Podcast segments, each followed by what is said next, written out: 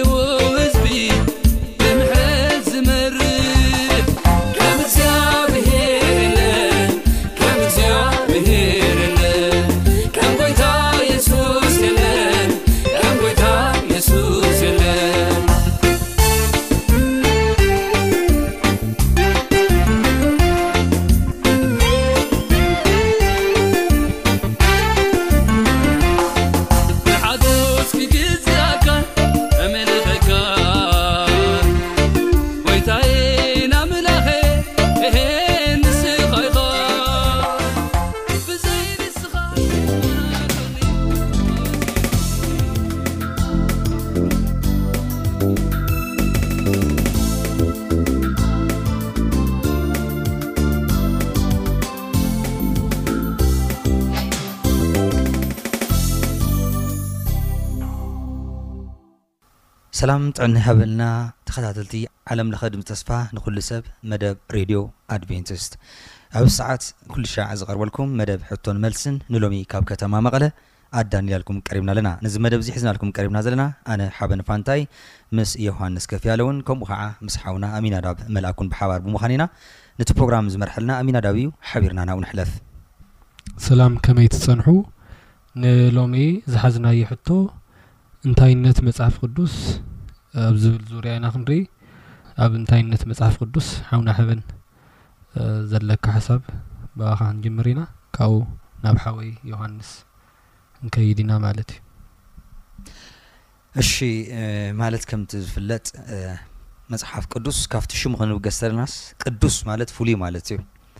ልክዕ ኣብቲ ቃሉ ከም ተቐመጠ ሸውዓተ መዓልቲ ናይ ፍጥረት መዓልታት ነይረን። እተን ሽዱሽተ ዕዮ ዓዩ ኣለን።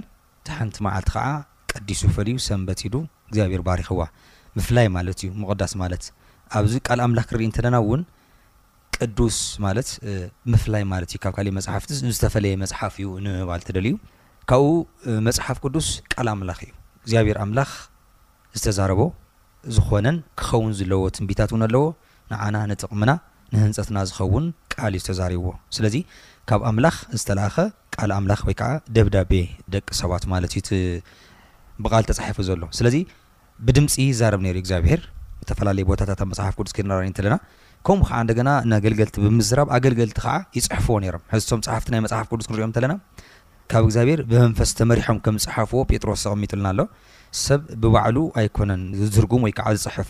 እንታይ ደኣ መንፈስ ኣምላኽ መሪሕዎ ማለት እዩ መንፈስ ቅዱስ ስለዚ ናይ ስላሴ ሓደ ኣካል እግዚኣብሔር መንፈስ ቅዱስ ኣብቲ ምድራስ ናይ ቃል ኣምላኽ ዓብዪ ዝተዋጽኦ ነይርዎ እዩ እቲ ቃል ኣምላኽ እውን ኣብ ምግላጽ ጎይታናን መድሓኒናን የሱስ ክርስቶስ ኣብዚ ምድሪ ዝመላለሰሉ ግዜ ይገልጾ ነይሩ እዩ ኣብነታት ካብ ቃል እውን ክንረክብ እንተለና ኣብ ምኩራብ ኣትዩ ክምህር ተሎ መጽሓፍ ከንብብ ሂቦ እሞ ናይ ትንቢት ኤስያስ መጽሓፍ ኣልዒሉ ከንብብ ተሎ እዚ ቃል እዚ ኣብ ቅድሚኹም ተፈጺሙ ኢልዎም ዊች ሚንስ እቲ ዝበሃል ዘሎስ ንኽፍጽም ዝመጸ ምዃኑ ኣስፊሑ ገሊጹልና እዩ ስለዚ ቃል ኣምላኽ ካብ እግዚኣብሔር እተላከ ደብዳቤ እዩ ሓቅነት ነቲ ቃል ኣምላኽ ክገልጸልና እውን ጎይታናን መድሓኒናን የሱስ ክርስቶስ ኣብዚ ምድሪ ተመላሊሱ ገሊጹልና ብተግባር ኣርእዩና ቐጻላይ እውን ክኾኑ ዝግብኦም ትንቢታት ዝሓለፉ ትንቢታትን ንምርግጋጽ እውን ኣብ ዓለምና ዝጸሓፉ ታሪኻት ዝፈጸሙ ታሪኻት ምርኣይ እውን ንዕኡ ድጋፍ ይኾነና እዩ ሳልሳይ እውን ነቲ ቃል ኣምላኽ መረጋገጺ ዝኾነና ብኳዕቲ ዝርከቡ ብዙሓት ጽሑፋት ኣለዉ። ሕዚ ንምሳሌ ኣብ ግብጺ ኣከባቢ ኣብ ከባቢ ማእከላይ ምብራቕ ዝርከቡ ብኳዕቲ ዝተፈላለዩ ጽሑፋት ኣለዉ ብዛዕባ ካብ መጽሓፍ ቅዱስ ዝተወሰዱ ቃላት ማለት ኢና።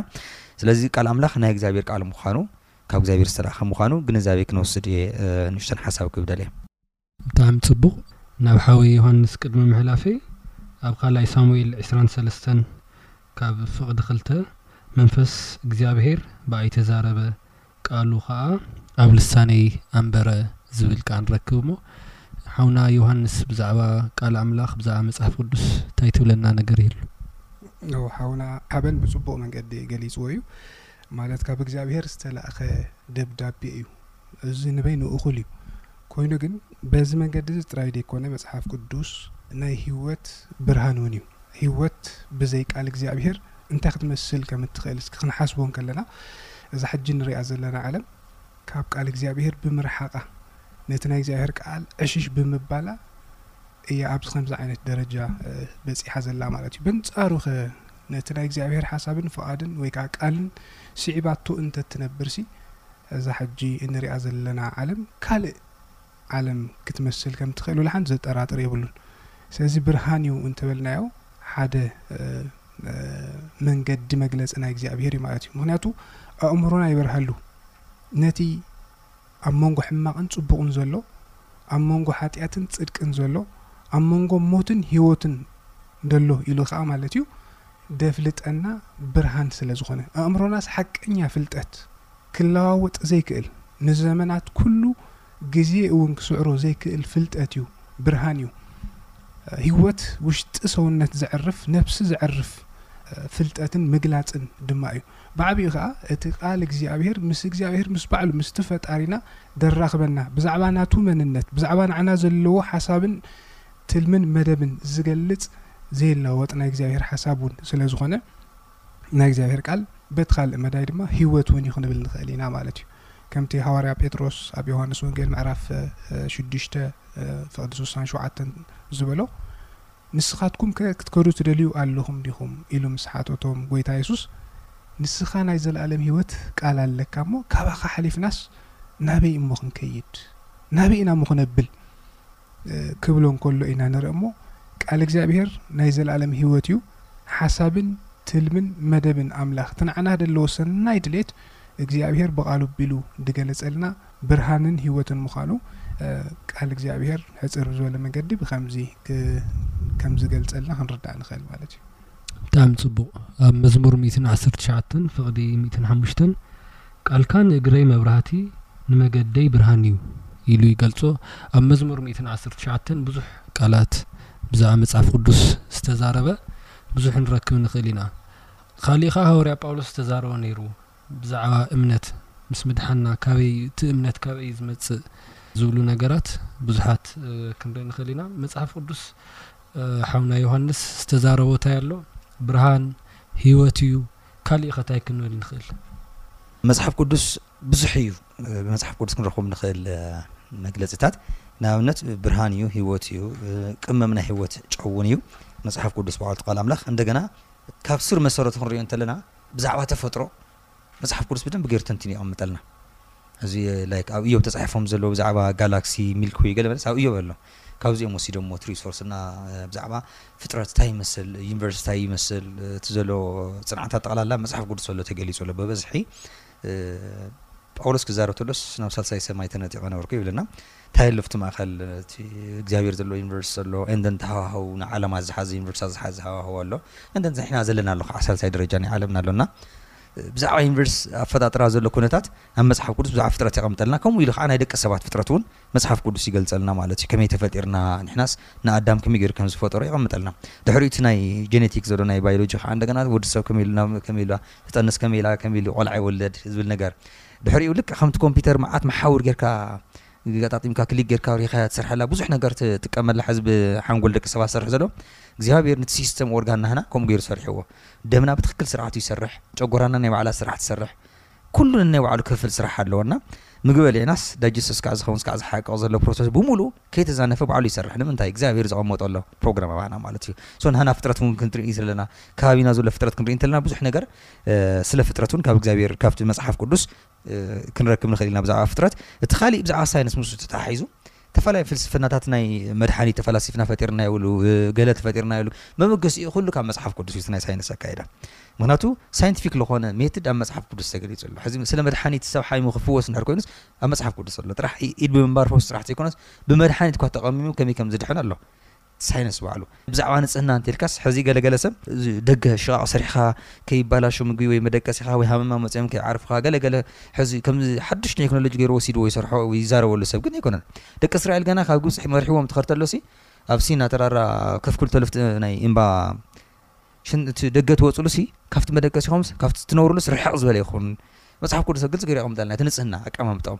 ክዳኖም ክዓ እንደገና ክሓጹ ከም ዝግብኦም ምግቦም ከመይ ገሮም ከም ዝብልዑ መጽሓፍ ቅዱስ እቲ ናይ ኣነባብራ ናይ ደቂ ሰባት ውን ኣቅሚጥዎ ኣሎ ሓደ ጥዕና ጥራሕ መድሓኒት ጥራሕ ዘይኮነስ ኣነባብራና ዝምልከት ኣቅሚጥልና ኣሎ እቲ ናይ ኣብ መጽሓፍ ቅዱስ ተቀሚጦም ዘሎ ቃላት ማለት ካብኡ ብዝበለጸ ክዓ እንደገና ብዛዕባ ምድሓን ሕዚ ብዙሕ ሰብ ንክድሕን ብዙሕ መንገድታት እዩ ዝጓዓስ እፀውም እፅሊ ገዳም ይኸድ ካብ ዓለም ይርሕቕ ወይ ከዓ ይምንን ማለት እዩ ተፈላለየ መንገዲ ግን ብዛዕባ ምድሓን መንገድስ ኣብ መፅሓፍ ቅዱስ ተገሊፁ ኣሎ ባዕሉ እንታይ ኢሉ ይምስክረልና ሲ እምነት ካብ ምስማዕ እዩ ምስማዕ ከዓ ምንታይ ካብ ቃል ኣምላኽ ኣብ ሮሜ ምዕራፍ 1 ቁፅሪ 17 ማለት እዩ ሶቲ ናይ ምድሓን መንገዲ ውንስ ኣብኡ ተገሊፁልና ዘሎ እንታይ እዩ መን እዩ መድሓኒ ሰብ ክድሕን ተኮይኑስ እንታይ ክገብረሉ ወይ ከዓ እንታይ ክኽተለሉ ዝብል ነገርስ ግልጺ ተቐሚጡ ኣሎ ብግልጺ ናይ ምድሓን መንገድስ እቲ ክርስቶስ ዝፈጸሞ ዕዮ ንዕኡስ ናተይ ገይሩለይ ኢልካስ ኣሚንካ ምቕባል ምዃኑ መጽሓፍ ቅዱስ ተቐሚጥልና ኣሎ ሶ ንኽድሕን እንተኾይንካ ሲ እንታይ ክትሰምዕ ኣለካ ሰብ ኣይኮነን እስኻ ትገብሮም ከይድታት ኣይኮኑን እንታይ ደኣ ቃል ኣምላኽ ባዕሉ ንዕኡ ክተዳምፁ ክትክእል ኣለካ ምክንያቱ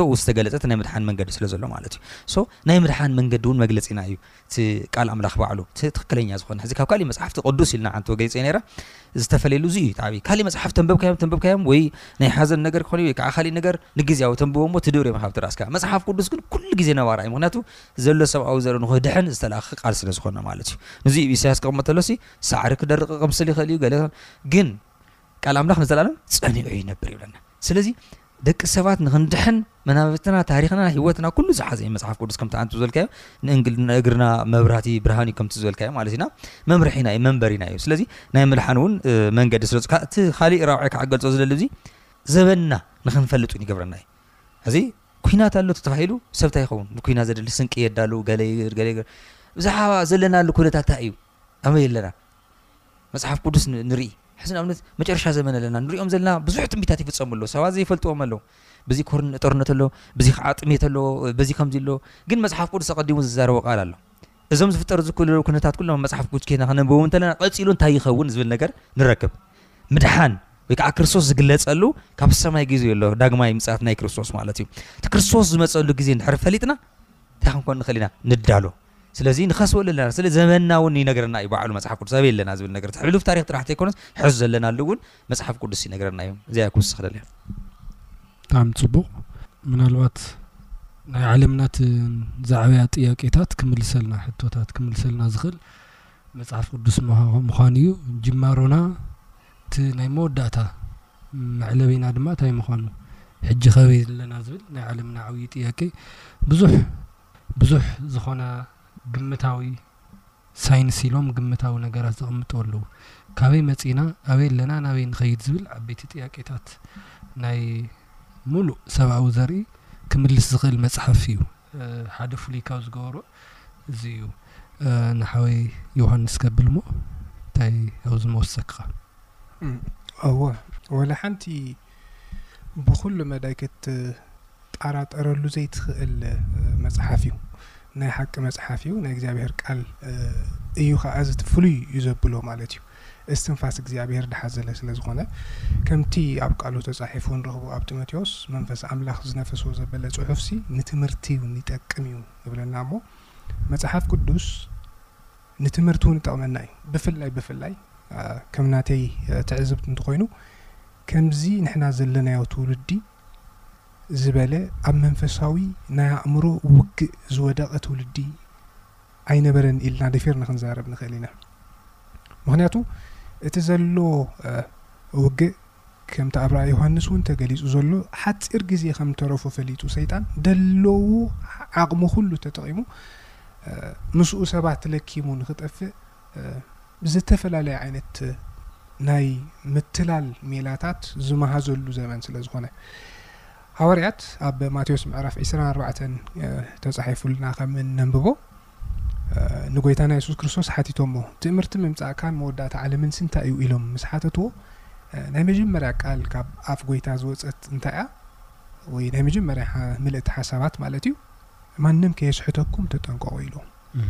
እዚ እንታይ እዩ? እቲ ንሱ ዝመጻሉ እዋን ኣዝዩ ብስሕተት ትምህርትታት ብምተላላት ተመልአ ምዃኑ ደተንብሃልና ትንቢታዊ ትሕዝቶ ናይቲ መጽሓፍ እዩ ማለት እዩ። እዚ ከኣ ኣብ ዓይንና ንሪኦ ኣለና ካብ ዕለት ናብ ዕለት ማለት እዩ። ሓደ ካብኣቶም ፍልይ ኣቢልና ምስቲ ትብሎ ዘለኻ ኣብ ኣብ ኣብያተ ትምህርትታትና ኣብ ኣካዳሚታት ኣትዮም ዘለዉ ዝግመተ ለውጢ ዝብል ሓሳብ እዩ። ዝግመተ ለውጢ ትሕዝትኡ እንታይ እዩ እንተ ደኣ ኢልና ወላ እኳ ሰብ ሞያ ኣጸቢቖም ካብዚ ንሕና ንገልጾ ንላዕሊ ክትንትንዎ ዝኽእሉ እኳ እንተኾኑ ሰብ ካብ ህበ እዩ መጺኡ ዝብል ሓሳብ ዝርዕም እዩ። ኣብኡ እዩ እቲ መሰረታዊ ሓሳቡ። ወይ ከኣ ተፈጥሮ እዚ ህይወታዊ ዝኾነ ነገር ካብ ዘይህይወታዊ መጺኡ ዝብል ሓሳብ እዩ ሓዚሉ። ልክዕ ምስቲ እግዚኣብሄር ብመልክዑን ብምስሉን ሰብ ፈጢሩ ዝብል ሓሳብ ብቐጥታ ከኣ ዝጻረር እዩ ማለት እዩ። ከም ሰብ ኣእምሮ ኮይንና ክንሓስብ ጠጠው ኢልና ከኣ ከነመዛዝን የማንን ጸጋምን ክንርኢ ከለና ባዕሎም ነዚ ዝግመተ ለውጢዚ ዘይድግፉ ዝግመታዊ ለውጢዚ ዘይድግፉ ክርስትያናት ዝኾኑ ብስነ ፍጥረት ዝኣምኑ ናይ መጽሓፍ ቅዱስ ወይ ከኣ ሳይንቲስትታት ክገልጹ እንከለዉ ኣንቶይ ሃውናሃበን እውን ዝጠቐሶ ኣሎ ሱንታ እዩ። እተፈላለየ ዓውድታት ኪገልጽ ዚኽእል መጽሓፍ እዩ፣ መጽሓፍ ቅዱስ ማለት እዩ። ሓደ ኻብኡ ትንቢታዊ ስነ፣ ኳዕቲ ወይ ከኣ እዚ ኣርኪዮሎጂ ተባሂሉ ዚግለጽ ማለት እዩ። እዚኦም ኩሎም ነቶም ኣብ መጽሓፍ ቅዱስ ዘለዉ ሓቅታት ዘረጋግጹ እዮም። ግዳማዊ መረጋገጽቲ ናይ መጽሓፍ ቅዱስ ሓቅነት ኢልና ኽንጥቀመሎም ንኽእል ኢና ማለት እዩ። በዚ መዳይ እዚ ነዚ ናይ ዝግመተ ለውጢ ድብል ሓሳብ እምበኣር እንተድኣ ርኢናዮ እቶም በዚ ዓውዲ እዚ ምሁራት ዝኾኑ ኣመጻጽኣ ታሪክ ናይ ስነ ፍጥረት ኮነ ብሓፈሻ ብፍላይ ከኣ ናይ ወዲ ሰብ በንጻሩ ልክዕ ከምቲ መጽሓፍ ቅዱስ ንኣብነት ናይ ኣርኪዮሎጂ ወይ ከኣ ናይ ስነ ዃዕቲ ተመራመርቲ ንዕኡ ነቲ ኣብ ውሽጡ ሒዝዎም ዘሎ ታሪካት ዝድግፍ መርትዖታት ከም ዝረኽብሉ ናይ ስነ ኳዕቲ ግን ነዚ ናይ ዝግመተ ለውጢ ሓሳብ ዝድግፍ ወላ ሓንቲ መርትዖ የብሉን። ነብሲ ወከፍ ተኳዒታ ትወጽእ ዓጽሚ፣ ነናብ ክፍላ ክትምደብ እትኽእል ከም ዝኾነት እዮም ዝገልጹ።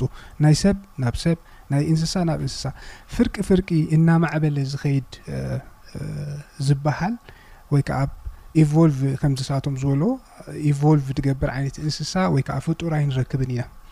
እዚ ነቲ እሳቶም ኣልዒሎምዎ ዘለዉ ክልሰ ሓሳብ ወይ ከኣ ቲዮሪ ሕጂ ውን ትዮሪ ወይ ከኣ ክልሰ ሓሳብ ጥራይ ምዃኑ እምበር ደረጋግጽ ነገር ከም ዘይብሉ ዘረድኣና ሓሳብ እዩ። በንጻሩ ታሪክ እንድሕር ደኣ ኣብ መጽሓፍ ቅዱስ ሓደ ንጉስ ብዛዕባ ሓደ ንጉስ ጠቂሱ እንተ ተዛሪቡ ብስነ ኳዕቲ ግን ዳርጋ መብዛሕትኡ እቲ ኣብ መጽሓፍ ቅዱስ ተጠቂሱ ዘሎ ተጠቂሶም ዘለዉ ነገስታት ኮኑ ቦታታት ኮኑ ዝርከቡ ምዃኖም በዚ ክንርዳእ ንኽእል። እዚ ከኣ መጽሓፍ ቅዱስ ሓቀኛ ምዃኑ የረድኣና። ብተወሳኺ እቲ ትንቢታዊ ትሕዝቶኡ እውን ከምቲ ሓወይ ድገለጾ እዩ ኣብ ርእሲኡ ህይወት ናይ ምልዋጥ ዓቕሚ ከኣ ኣለዎ። ብዙሓት ሰባት ናብ መጽሓፍ ቅዱስ ከም ብምንባብ ብምውካስ ከም ናይ ህይወት መምርሒ ገይሮም ብምጥቃም ህይወቶም ክልወጥ እንከሎ ንግንዘብን ንዕዘብን ኢና ማለት እዩ። እዚ ከኣ ብዘይ ምንም ምዝናፍ ማለት እዩ። ስለዚ እዚ ብምልኡ እንተድኣ ደማሚርናዮ ናይ እግዚኣብሄር ትንፋስ ምዃኑ ናይ እግዚኣብሄር ቃል ምዃኑ ወላ ሓንቲ ደጠራጥር ነገር ኣይህልዎን ማለት እዩ። ስለዚ ናይ እምነት መሰረት ናይ እምነት ከኣ ምንጪ እዩ መጽሓፍ ቅዱስ ማለት እዩ። ብመን ከም ዝኣመንና ካበይ ከም ዝመጻእና ኣብ ሃውሪ ኣይኮነን እቲ ንሕና እንሓስቦ ወይ ከኣ ከምዚ'ዩ ኢልና እንግምቶ ነገር እነቐምጦ። መጽሓፍ ቅዱስ ክንኣምን እንከለና ምስቲ ብሓቂ ንዓና ዝፈጠረና እግዚኣብሄር ዝስሙ ምስኡ'ዩ ዘፋልጠና። እቲ ዝገርም እግዚኣብሄር ብዝተፈላለየ መንገዲ ርእሱ ገሊጹ እዩ። ሓደ ካብቶም ርእሱ ዝገለጸሎም መንገድታት ከኣ ናይ እግዚኣብሄር ቃል እዩ። ብቃሉ'ዩ ርእሱ ገሊጽልና። ስለዚ ኣብ ቃሉ ንሱ ንዓና ዘለዎ ሓሳብ ንሱ ንዓና ዘለዎ መደብን ትልምን ገሊጽልና እዩ። እግዚኣብሄር እንታይ ይደሊ እንታይ ክንኮነሉ ይደልየና ካብ ምንታይከ ክንርሕቅ ይደልየና እንታይ ክንስዕብ ይደልየና እዚ ኩሉ ኣብ ናይ እግዚኣብሄር ቃል ተጠቂሱ ንረኽቦ ኢና። ታሪኽ ንድሕሪት ምልስ ኢልና እንተድኣ ተወኪስና ናይ ጸልማት ዘበን ተባሂሉ ዝጥቀስ ናይ ታሪኽ ክፍለ ግዜ ኣሎ። ኣብዚ ክፍለ ግዜ እዚ እቲ ዝገርም መጽሓፍ ቅዱስ ኣብ ኢድ ሰባት ንኸይርከብ፣ ንኸይተሓዝ፣ ንኸይንበብ ብሰፊሑ ተወጊዙሉ ዝነበረ እዋን እዩ። ናይ ብሓቂ ከኣ ናይ ጸልማት ዘበን የብሎ ማለት እዩ። ምክንያቱ እቲ ሓቀኛ ብርሃን ክረክብ ዘይከኣለ ሰብ ኣብ ናይ ጸልማት ዘበን ምህላዉ ስለ ዘተንብህ ማለት እዩ። ስለዚ ቃል እግዚኣብሄር በዚ መዳይ እዚ ሓቀኛነቱ ኮነ ትኽክለኛነቱ ክንግንዘቦ ከም እንኽእል ክብል ይኽእል ማለት እዩ። ብጣዕሚ ጽቡቕ እቲ ሓደ ዝገለጽካዮ ናይ መጽሓፍ ቅዱስ ሓቃውነት ካብ ዘረጋግጹልና እቲ ዓብዪ ነገር ሓደ እንታይ እዩ? ኣብ ናይ ውልቀ ሰብ ዝፈጥሮ ለውጢ እዩ፣ ሓቀኛ ለውጢ። እሱ ሓደ ገሊጽና፣ ብዙሕ ትገልጹ ነይርኩም ክልቴኹም። እቲ ቀሊል ብዙሕ ግዜ ዝረኣ ግን ልዕሊ ሓደ ሽሕ ዘመናት ዘቑጸረ መጽሓፍቲ ናብ ንኽጽሓፍ ማለት እዩ። ንኽጽሓፍ ልዕሊ ሓደ ሽሕ ዘመናት ዘቑጸረ መጽሓፍ ምዃኑ፣ ልዕሊ ኣርብዓ ሰባት ዝጸሓፍዎ ምዃኑ፣ ንሱ ንምውሳኽ ዝኣክል እዩ። ምናልባት ንምዝዛም ዝኣክል ታይታይ ሓሳባት ዝተረፈ ተሃልዩ ሓበን ናባኻ ከብል'ሞ። ከምቲ ሕዚ ዝበልካዮ መወዳእታ ካብ ልዕሊ ኣርብዓ ሰባት ምስ ዝኾኑ ልዕሊ ኣርብዓ ሰባት ብዝኾኑ እዩ ተጻሒፉ ቃል ኣምላኽ ሕዚ ክትብሎ ዝነበርካ ድሓር እቲ መጽሓፍ ቅዱስ ተጻሓፈሉ ከምቲ ዓንቱ ክዝርዝር ዝጸንሐ ዓይነት እዩ እቲ ኩሉ ነገር ኣብኣ ክውስኻ ዝደልኹ ንእሽቶ እንታይ እያ ብፈተና ተመለቲ ዓለም እያ ዘላ ዘዘለናላ ዓለም ንዚ ፈተና እዚ ክንሰግር እውን ቃል ኣምላኽ ወሳኒ እዩ ሰይጣን ንክርስቶስ ክፍትኖ እንተሎ እንታይ እዩ ተፃሒፉ እናለ እዩ ዝምልሰሉ ነይሩ ብመን ብቲ ቃል ኣምላኽ ማለት እዩ ንሕረ እምቢብና ፈተናታት ክንሰግር ንኽእል ኢና። እግዚኣብሄር ኣምላኽ ዝኣተወልና ቃል ንሱ እዩ እቲ ዓብዪ ነገር። ታይ እዮም እቶም ዘጋጥሙና ከዓ ተፃሒፎም ኣለው። ፈሊጥናዮም ተፀኒሕናስ ንሕና እውን ከዓ ክንሰግሮም ንኽእል ኢና። ስለዚ ክርስቶስ ተፃሒፉ እንዳበለ እዩ ዝሰግሮ ነይሩ ማለት እዩ። ስለዚ ንፈተናታት መሰጋገሪ ከም ዝጠቕመና ሓደ እሱ እዩ። እታ ካልኣይቲ እውን ብዛዕባ ሓቃውነት መፅሓፍ ቅዱስ እታ መወዳእታ ትብላ ዝነበርካ ካብ ተፈጥሮ ካብ ናይ ደቂ ሰባት ህይወት ኣብ ተፈላለየ መንገዲ ንሪኦ ኢና። ብዝዓበየ እውን ካብቶም ብሰባት ተፃሓፉ መፅሓፍቲ እውን ወርትዕታት ኣለው። ንኣብነት ሕዚ ኣብ ቁርዓን እንተኺድካ መፅሓፍ ቅዱስ ቀዲሙ ዝመጸ መጽሓፍ ምዃኑ ቁርዓን ይምስክር ማለት እዩ። እዚ ከም ኤቪደንስ መረጋገጺ ጥራሕ ዘይኮነስ ከም ካብ ሰባት ካብ ዝጸሓፉ ካብ ዝተጻሓፉ ካልኦት ካብ ንምግላጽ ዝኣክል ደልየ እሞ ናብቶም ቀዲሞም ተጻሓፉ መጽሓፍቲ ኪዱ ይብል ናብ ተውራት ኢንጅል ይብል ናብ መዝሙር ኪዱ ይብል ቀዲሞም ናብቶም ተጻሓፉ እዚ እንድሕር ዘይበርሂልኩም ይብል ናብቶም ቀዲሞም ተጻሓፉ ንእስራኤል ተዋህበ እናበለ ኣብ ቁርዓን ተጻሒፉ ይግለጽ እዩና ቅዱም መጽሓፍ ምዃኑ ተቐሚጥልና ኣለዎ ማለት እዩና እዚ ቅዱም መጽሓፍ ከዓ ጠቓማ እዩ ንኩሉ ነገር ከምቲ ዓንቱ ከዝርዘር ዝጸንሐ ብኡኡ ኸዓ እንደገና ካብ ተፈላለዩ ነገራት ክነምልጠሉ ንኽእል፣ ክንብህጎ ዝግበእና ድማ እዩ። ሕዚ ኣብ ወንጌል ማቴዎስ ክርስቶስ ክዛረብ እንተሎ እንታይ ኢሉ? ኣቐዲምኩም ጽድቅን መንግስትን ድለዩ ካብኡ ኸዓ ኩሉ ነገር ክውስኸልኩም ይብል። ስለዚ ጽድቅን መንግስትን ንምርካብ ከዓ እቲ ዓንተ ዝበልኩ እያ ሮሜ ዓሰርተ ዓሰርተ ሸውዓተ ምድሓን ካብ ምስማዕ ምስማዕ ከዓ ካብ ቃል ኣምላኽ እያ ትብል። ስለዚ ቃል ኣምላኽ ቅድሚ ኩሉ ነገርና ክንረኽቦ ክንብህጎ ዝግበእና እዩ። ዛስዋይ ክርስቶስ ክፍተን እንተሎ እቲ እምኒ እንጀራ ግበሮ ኢልዎ ኖእ ብእንጀራ ጥራሕ ኣይነብርን ሰብ ኢሉ መሊስሉ ንምንታይ ናይ መጀመርያ ኣዳም ብኸብዱ ስለ ዝተረትዐ ማለት እዩ ኣብ ኤደን ገነት ኣዳም ክርትዕ እንተሎ ምስ ሄዋን እንታይ እያ እዚ ከልኪልኩም ድዩ ኢልዎም ሰይጣን ብብልዒ እያ ብብልዕታ ኮይኖም ፌል ገይሮም ክርስቶስ እቲ ካልኣይ ኣዳም መፂጉ ብብልዒ ፌል ኣይገበረን ኣሸኒፉ ወፂ ምክንያቱ ተፃሒፉ እዩ ኣዳምን ሄዋንን እውን ነጊርዎም እዩ ቃል ቃሉ እግዚኣብሔር ኣምላክ ከይትበልዑ ኢልዎም እዩ ኖ እግዚኣብሔር ተዛሪቡና እዩ ኣይንበልዕል ተዝብሉ ክስዕሩ ነይሮም እዮም ነገር ግን ነቲ ቃል ተሓላሊፎሞ ማለት እዩ ሶ ካብ ክርስቶስ ህይወት እንታይ ኢና ክንወስድ ዝግበአና ንዓና ንጥቕምና ንኸብድና ብዝብል ጉያ ኣይኮንናን ክንቅድም ዝግበአና ሓሲ ንቃል ኣምላኽ ንቐድም ምክንያቱ እሱ ምስ ንቐድም በረከት ከዓ ኣለዎ ቀፂሉ ሰዩ በረከት ኣለዎ ክርስቶስ እኮ ከምኡ ኢሉ ተፈቲኑ ሓሊፉ ወላ እስካዕ መስቀል ተዓጊሱ ሓቆይ ግን ኣበይ ኣሎ ኣብ የማን ኣቦ ተቐሚጡ ኣሎ ንሕና እውን ኣብኡ ንክንቅመጥ ስለ ዝደሊ እዩ ምስኡ ስለዚ ቃል ኣምላኽ ቅድሚ ኩሉን ልዕሊ ኩሉን ክንሪኦ ክንክእል ኣለና ካልኣይ ቃል ኣምላኽ ጎቲም ኣይኮነን ዝኾነ ሓደሓደ ሰብ ዝጠራጠሮ ሰብ ኣሎ ምልእነት ይጎድሎ እዩ ዝብል ሰብ ኣይኮነን ዕብራውያን ምዕራፍ ኣርባዕተ ቁፅሪ ዓሰርተ ክልተ ሲ ብክልቲኡ ኣፍ ዝተሰሓለ በሊሕ ሰይፊ እዩ ይብሎ በሊሕ ሰይፊ ዝኾነ ነገር እዩ ጎሙል ይቆርፅ በሊሕ እዩ መፅሓፍ ቅዱስ እውን ከምኡ በሊሕ እዩ ስለዚ በልሕ ክልተ ክብል ተሎ ያው ብተፈላለዩ መንፈሳዊ ትርጉሙ ብሉይና ኣዲስን ክንብሎ ንኽእል ኢና ፀገም የብሉ ነው በልሕ ምዃኑ ግን ይነግረና ኣሎ ምንም ዝጎተመ ኣይኮነን ዝውስኾ ነገር ዘይብሉ ምዃኑ ፍጹም ከም ዝኾነ እቲ ቃል ኣምላኽ መረጋገጺ ውን ባዕሉ ካብ ቃሉ ክንረክብ ንኽእል ኢና ዛያኮስ ዝኽለለይ። ጎይታ ይባርክኹም ንቀጻሊ ምናልባት ኣብ ቅንያይ ዝህልወና ብዙሕ ኣርእስትታት ሒዝና ክንመጽእ ኢና ሎምዕንቲ ስለ መጺኹም ነዚ መልሲ ስለ ዝሃብኹምኒ ጎይታ ይባርክኩም ተባረኹ። ክቡራት ተኸታተልቲ መደብና ንሎሚ ሒዝናልኩም ቀሪብና ዝነበርና መደብ ሕቶን መልስን ካብዚ ካብ ከተማ መቐለ ነዚ ይመስል ነይሩ። ናይ ሎሚ ቀዳማይ ክፋል ፕሮግራምና በዚ እንትንዛዝም ግን ንዘለኩም ሕቶን ርኢቶን ከዓ ብኣድራሻ ድምፂ ዓለም ለኸ ተስፋ ንኹሉ ሰብ ሬድዮ ኣድቬንቲስ ጌርኩም ክትረኽቡና ትኽእሉ ኢኹም። እግዚኣብሔር ይባርኩም።